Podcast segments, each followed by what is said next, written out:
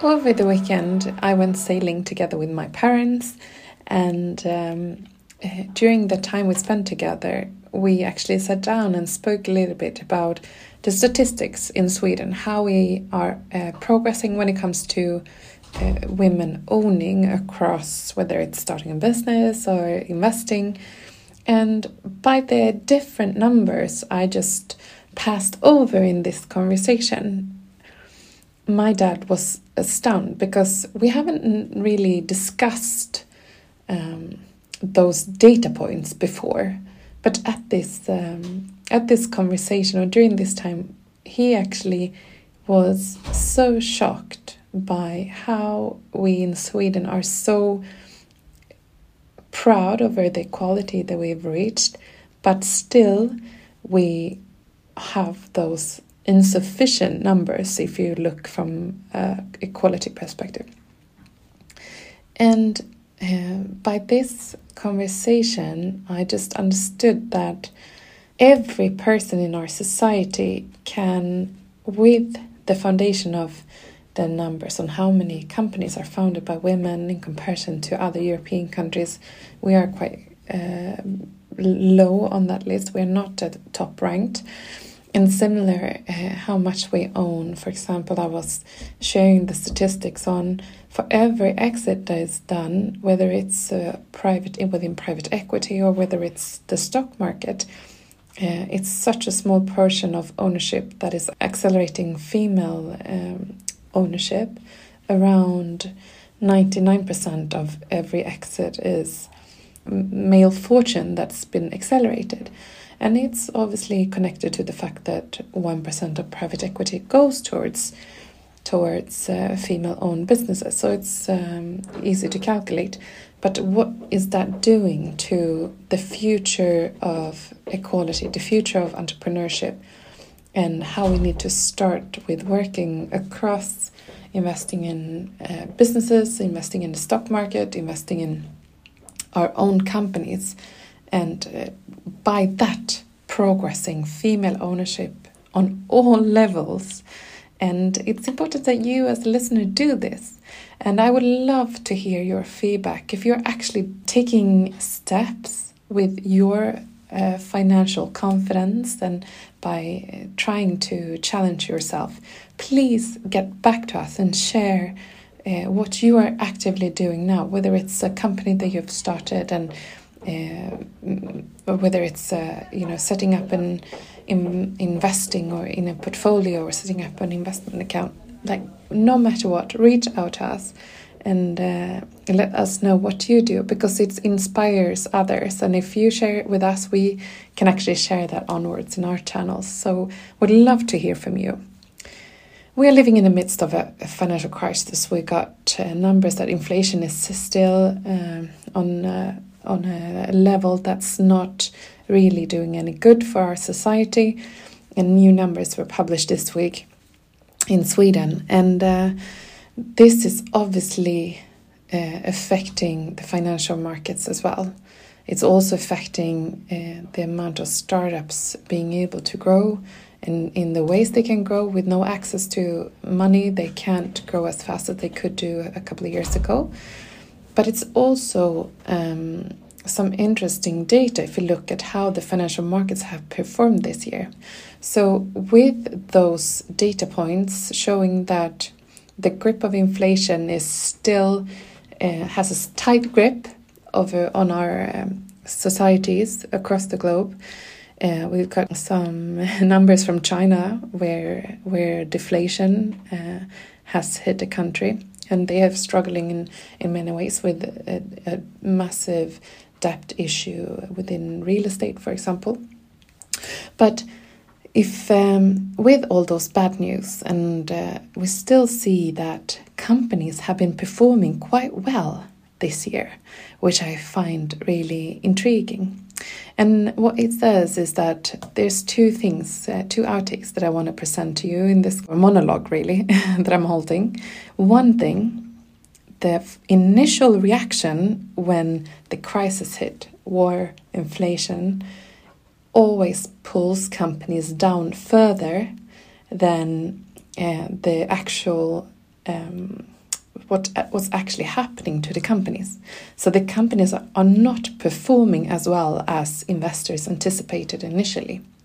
So if we look at um, OMXS 30, the largest companies in Sweden, for example, we got some amazing um, share price increases this year. We got Thule Group, for example, they've been going up 54% this year. We've got Hemnet, which is a, a site for um, selling your flat. The, the stock has been going up 52%. We've got Traton that's been going up 51%. H&M, despite the fact that they've been having struggles with um, with the greenwashing, they performed really well uh, in the reports they published, and the stock has been up 49%. Vitec Software Group has been going up 40%.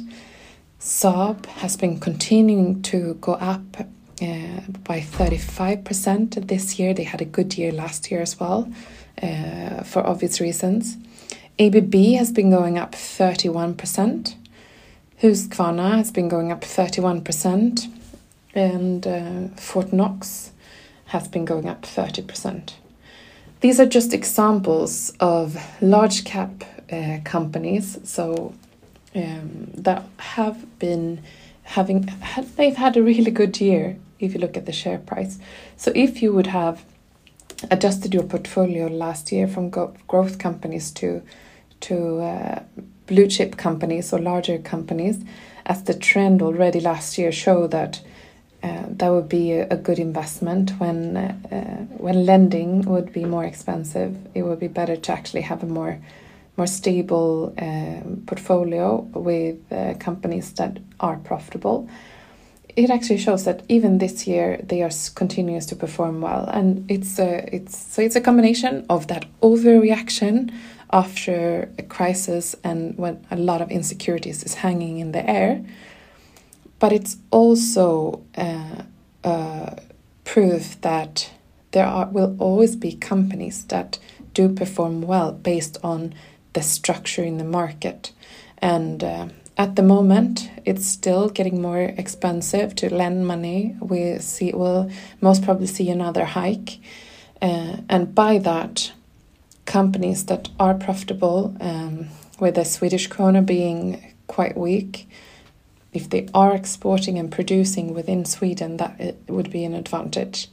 So, um, if you would have tapped into investing during the last year, you would have done some great uh, profit already, which tells you uh, as a listener that don't uh, be afraid of the news and all the negative um, feedback that you get from the newspapers on a daily basis, but continuously stay in the market and you will uh, you will do well. And it's most of the most of the time it's actually when in the beginning you see a, a steep uh, downward spiral uh, when the insecurities are the highest. But within that when that's settled the markets the financial markets actually settle on a new uh, normal and that has happened definitely for our swedish companies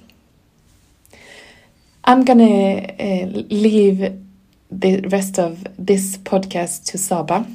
I just want to say that we've onboarded a couple of new colleagues in the last two weeks in the Feminvest office, and it's been exciting, and so many exciting things are still ahead of us. We will be able to share something at Fearless uh, about a massive news from us that's going to be happening in the next year. So make sure to reserve your ticket. If you're a member, it's for free. Uh, otherwise, we have some tickets left. So go to feminvest.se and reserve your ticket. And also, um, we are having exciting events in Malmö where we've got a health is well focus. Uh, where we do yoga and talk about sustainable investments. We'll have a meetup in Gothenburg. We have a digital um, session that's for free, so you can try us out how to get started on investing in the next week.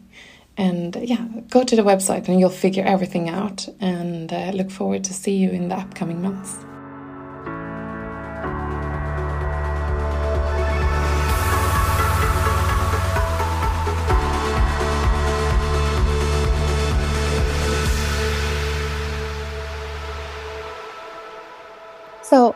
Hi everyone, and welcome back to our podcast and a new interview this day. And with me, I have an amazing woman. It's Marianne Hamilton. Welcome, Marianne. Thank you very much. So, Marianne, you have a huge uh, and very interesting background. You are you have been a member of Atlas Copco's group management team for about 16 years as a senior vice president. You also write books, novels, management books, and uh, you have been serving on several boards. Tell us more about you. Okay, I'm a country girl from the beginning, and uh, um, you can say my first career was that I was horse jumping and successful. Then I uh, went to university, and after some years, I joined Atlas Copco, and I must say that being out in business has been i've really been enjoying it. I think it has suited me well. And to be the senior vice president uh, you know i could use my vision i'm a visionary and i could use that. Uh, so i think that was my right element you could say to swim in. Uh, and after after i left atlas copco because i retired i started my third career as an author interesting using all the experience from the business life you know full of experience from the business i had used it in all my management books in all my novels and in all uh, yeah use it when i'm writing yeah but what I what I have been reading about you is that you have been like introducing a groundbreaking way of internal global job market at Atlas yes. Copco. You did something that you launched something that wasn't there before and it's it's quite an old company. It's like it's yeah 150 years this year actually. Yes yes. No, I, I i i am not a, a I'm not an administrative person. I'm not taking care of person. I think I'm innovative and I want to change things.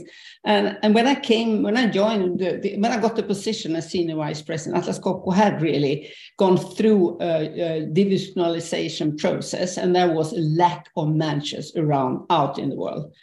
Until then, uh, many of the top managers has been pointed centrally. You have been seated at headquarters. You said, Peter, could you please go to Italy or uh, etc. And I said, this cannot be right because I believe in the drive and in the strength of the human beings. I said, we, we must use the strength and the drive. I think we, we must start from what is the need of the organization. Let everyone see the need, make it totally transparent. And then it's up to the employees to apply if they feel, ah, this position is for me. So that was the start of it. And then people, we started in the top, and then after some years, we made it for the whole group. So then, you know, you could be a member of Atlas Copco, you could see, oh, it's a position there in India. I think that would be interesting to go. And then you had the right to apply.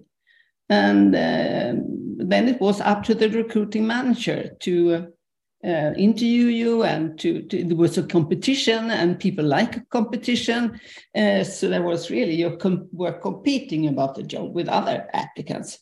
Then finally when you got the job you said i'm going to show them I, that i was the, the, the best. So there is i think the drive of atlas copco the decentralization process. This was the final step in the decentralization process. So you had you had this uh, belief in in uh, the you, individuals, yes, and like their own drive and motivation, yes. How how could you use that in your own? I mean, in your own experience, how did you use that to to make these changes happen? I think I got the group management involved I involved people. I took with people, I involved, I networked, and I launched ideas, and I, I also let them be part of the process. Uh, so they were with me. And I think that is important. You must have the organization with you. And uh, then there was a launching, and there were, of course, many of the, the elderly or you know men who said, oh, was this? This uh, women coming here saying that should I apply for a job?" There's always been the CEO of the group who called me and said, "Dear Peter, could you please go?" No, I said that period is over. And then I remember it was one of these, you could call it uh, very, very experienced, but we could call him for once old fox. He was coming to my office in Stockholm and said, blah, blah, blah. And then I said, Here, Marianne, is my CV. And I said, Sorry, the CV has to be fresh and it should be given to the, the recruiting manager. Then he looked at me and said, Now I believe you. You can see if I was to be polite. he has said, oh, oh, oh, this is just this is not serious. So you have to be 100% when you do things. You cannot sort of say one thing and then do it at 95%. That is not good enough. You must go for it. Yeah. And if we like go forward a bit and think mm-hmm. about like you know how how you look back at your back at your career as mm-hmm. a woman how were you uh, as a women leader and uh, taking yeah. this big group uh, yeah. through uh, organizational change? I think you know when I joined, it was the the question of women was not really at the table in the way it is today.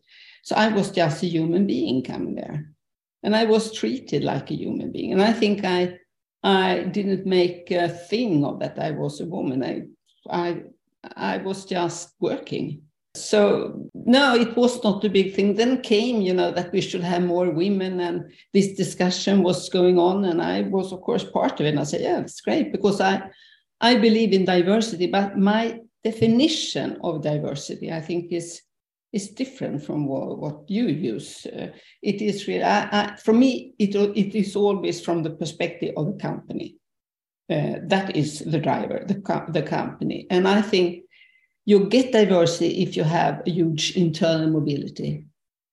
What you shall not have in a company is stagnation, that people stay too long in a group or in a mm. position. With internal mobility, there are new people coming in, there are uh, someone is leaving, joining something else, and you have to be on, on, the, on, the, on the toes because there is always someone new coming in there is no the, the comfort zone should not be too big. So the internal mobility uh, that is for me diversity it will bring in new people and it will bring in women because women will be needed.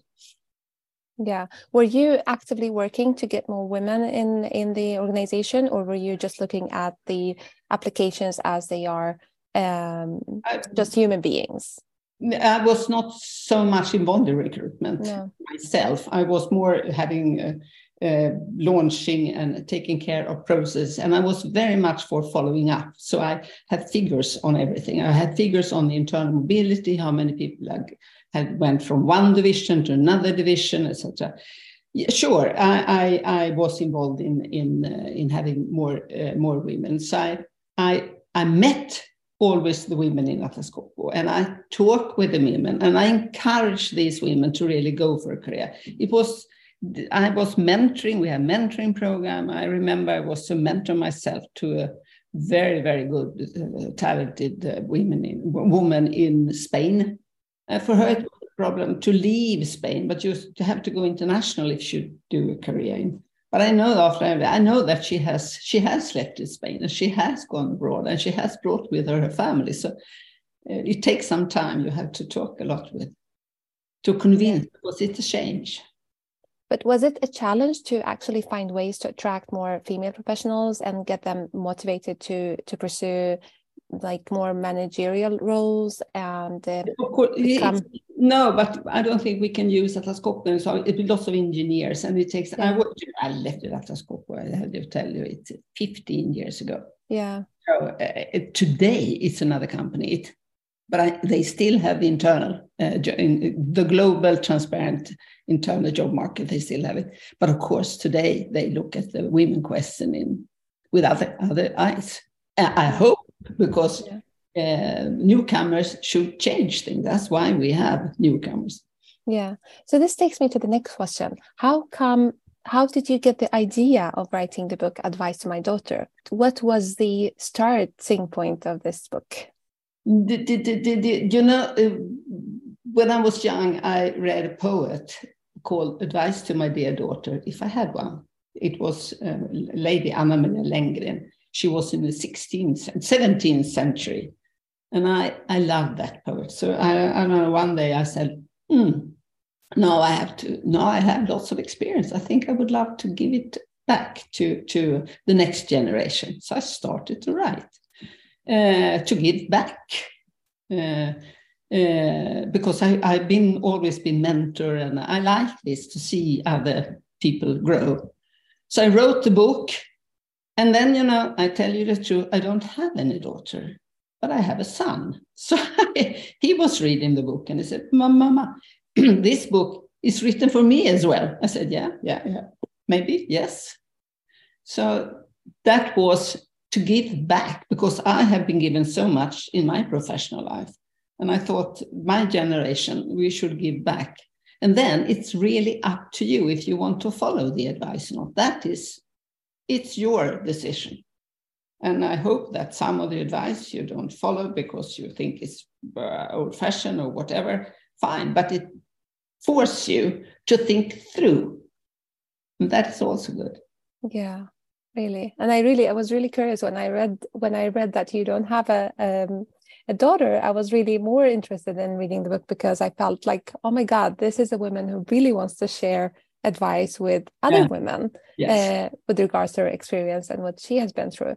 If mm. uh, if you want to share with our listeners some of the top advice that you have in this book for those who haven't been reading the book, I, I could say uh, first of all, I I I have I have um, researched a little on your company, and I see your and or your members, and I, I think that the listeners are already will are or will be successful women, and I think you are or you will be successful because of your own drive and and of your own uh, strength not because someone has uh, said, "Oh, this quota we need uh, to bring in another woman."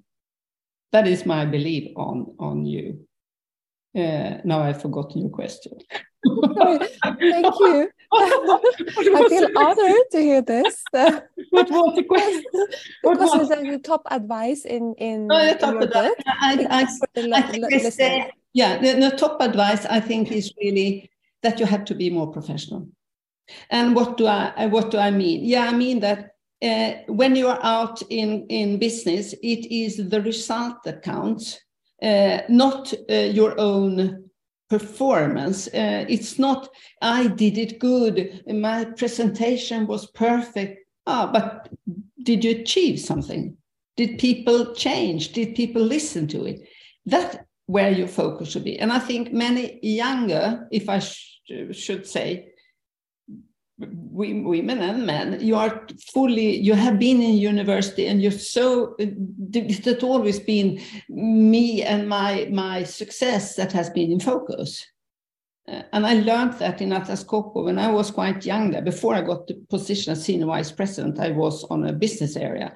And then I should go up to, to, to Group Center and make a presenta- presentation for, for, the, for, for the, the board. You can imagine I was prepared like and I was uh, nervous, like I can tell you. So I made my presentation, and during my presentation, the board members they started to talk, and they talked and they talked, and I got more and more nervous. And then I just finished my presentation. I went out and met my boss, and I said, "It was awful. I was uh, sorry. It was really awful." Then he said, "No, Marianne, it was very good." I said, "Good. It was awful." No, he said, "You made the board members discuss." This important issue. Yes. So it was the result that I want. That was really the result. They took and they started to talk. My presentation was not the focus, it was their talking and their decision. Yes. It is something I take up in the book. Yes, that's very interesting. Uh, what what we see now also like you know we see 40, 46 advice i mean yes That's why I asked about the top advice because I want our listeners to read the book, but I also want to share some advice with them for those who haven't been reading for, the book. For, for, for young, uh, for young uh, women, if there are any young listeners, they're really young, I should say that you must, when you think of your of, of uh, your your your choice of of business or study or whatever, you have to know that in the in at the end you have to be able to financially support yourself. Yes. That, that was what I learned from my mother. Financially support yourself, Marianne. You have to have an academic degree because you should be able to financially support yourself. So you will never be dependent on someone. That is important. Yeah, and that's what we in Feminvest are actually trying to to yes. educate yes. women about. Ah, yeah, and reach reach financial independence in different ways, and actually work on that Mm-hmm. educate mm-hmm. engage women in mm-hmm. different ways yeah mm-hmm. uh, so good. And what we see also like i mean when we see academic uh, educations they're all like the majority are women. Yeah. But something is happening. Something is shifting when we finish our education. We're not really you know I, top. no i think first i think the recruitment process you know i have opinions on everything. The, um, the recruitment process today with all lots of uh, recruitment specialists and headhunters and hr and what, what it, they think the focus should be on the person no the focus should be on the mission yeah First of all, uh, these recruiting people, they have to understand what is the mission. And normally they don't understand it. So for me, it's much better that it the the the, the manager who is going who, the, the employer, he or she knows the mission. And when when they meet someone, they should talk about your possibility to do something in within this mission. If that is the focus of discussion they forgot you know that you are a woman because it your it is your professional uh, professionalism. It is your talent. That is around in the in discussion. But if the focus is only on the person it will be uh, oh she's a little shy or she is not uh, taking enough or i think she lacks of energy and what have you because you are not coming out as a woman in the same way as a man still yeah but if the focus is the mission, I'm sure you, you will come out and you will be very engaged and you will talk about this mission. And then I will see you much more than if I start to say, Who are you? What is your strong side, your weak side? That's very interesting. Uh, and the talkers, and the talkers, you know, yeah, yeah. don't take them. No. Never how, how because they don't think, they don't go down to their to the bottom to the bottom of their heart and really use mm. emotions. So they just talk. Don't take them. Advice. Perfect advice. Perfect advice. Does that relate to your uh, latest book that you just released uh, I think it is, and you know, I've been written uh, management books, and I've been written uh, and I've been written novels. The first management book was really to help Gunnar Brock, the new CEO of Atlas Copco, to understand the culture of Atlas Copco because he was the first external CEO this group has ever taken. So I wrote for him to understand the culture and the way we do things because Atlas Copco made everything a little different. Uh, okay, so uh, so I read management, and then I written three novels. I can tell you about that later. But my last book that was out one week ago is called in Swedish Vad är det att vara människa? And the translation I think should be help me Saba. What does it mean to, to be, be, a human being? Yeah, yeah, yeah I would guess, yeah. And that is, you can say, a think book as well as a novel. And it is about an elderly woman, woman with her gray hair uh, coming back to the boardroom of Atlas Copco. And from that starts things. Things are happening. It's a novel it is really a novel. But uh, the, the head person, she has gray hair. Could that be you, Marianne? could be, I don't know. Because it's, it's in the novel, so I don't know, you know. Yeah, I put yeah. myself there, and then my imagination, because I have lots of imagination, is just coming. Mm-hmm. Yeah. And now it's out, and I think it's good. It's also advice in this book.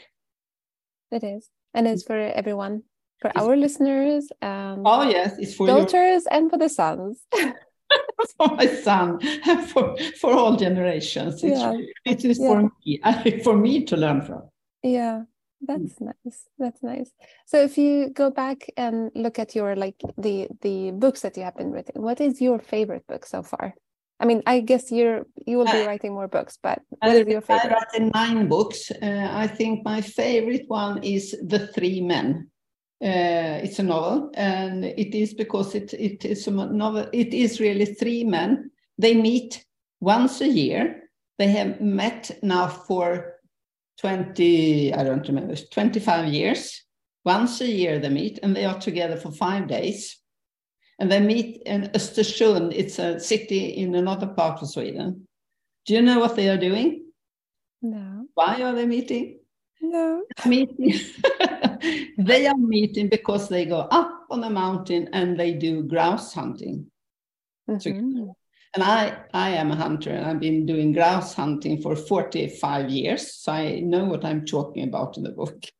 And they do it with the pointers. It's standing it's dog that stands because the hunt is really the dog is running and then the dog stops.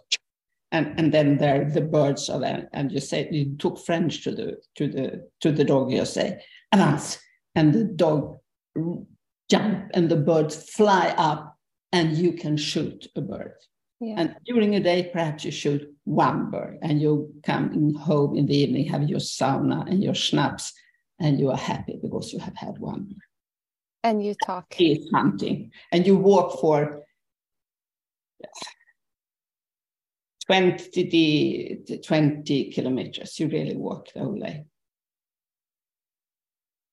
But is it the talking, what they are talking about, that is interesting? Talk about everything. It's a it's a CEO for a group. You can uh, imagine the talking uh, yeah. business, of course, and it's uh, uh, one who has uh, who is uh, um, working with the restructuring of houses in Gotland, and I happen to know that subject. And it's a, a doctor, so I have to interview my friends who are doctors. He's a chirurg in for hearts no, they talk, and, and then there's something is happening. So this friendship is broken up, and it's really a disaster. And when I wrote that, and when I came to that part, I started to cry myself. So I, I was had to take away the computer because my tears were dropping. I, I say not cry, not like that. It was whoo. Oh my God, I have to read this book. Yeah.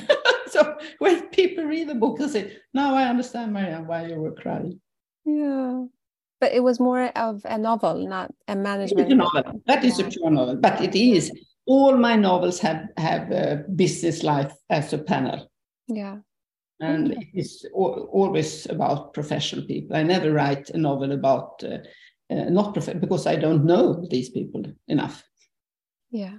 So I'll have to go back when I finish this interview and try to read the book. now, the three men, right? yeah, the three men. Also, what is what is what does it mean to be a human being? Because this yeah yeah yeah probably goes back to what you really need to yeah. actually work yeah. on within yourself. And the yeah. first novel, Ladan, is the the barn. It's it's it is in English uh, as well, translated into English. It's also three professional women. Uh, very, and they come to see their mentor yeah. And that should be a very easy book, but it also happened things so they and the mentor has also gray hair. So it's always a woman with gray hair somewhere. Interesting. Well, Marianne, I think we need to talk more about your books and maybe maybe invite you to our Fearless event that will be taking room in September 20th. Mm. And maybe talk more about books and professional life and how to tackle different challenges. So I'm inviting you now, and I hope to see you there. Okay, because uh, it's hunting season. oh, yes. Uh, well, hopefully, hopefully we can make it. But Marianne, thank you so much for this conversation. I really enjoyed it, and I look forward to hear from you soon again and talk more about your new book once I read yeah. it.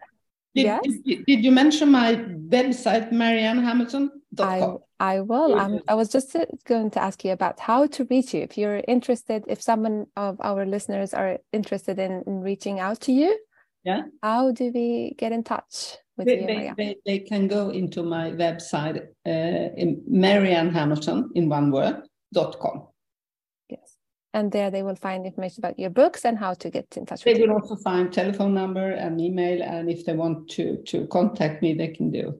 Perfect. And you are. I know that you are. the listeners are very very good women. I know that. Yeah, and you are based in Stockholm, but also spending summer in in Gotland. yes. Yes. Perfect. Thank you so much, Marianne. Thank you. Thanks a lot. Have a good day. Yeah, thank you. You too.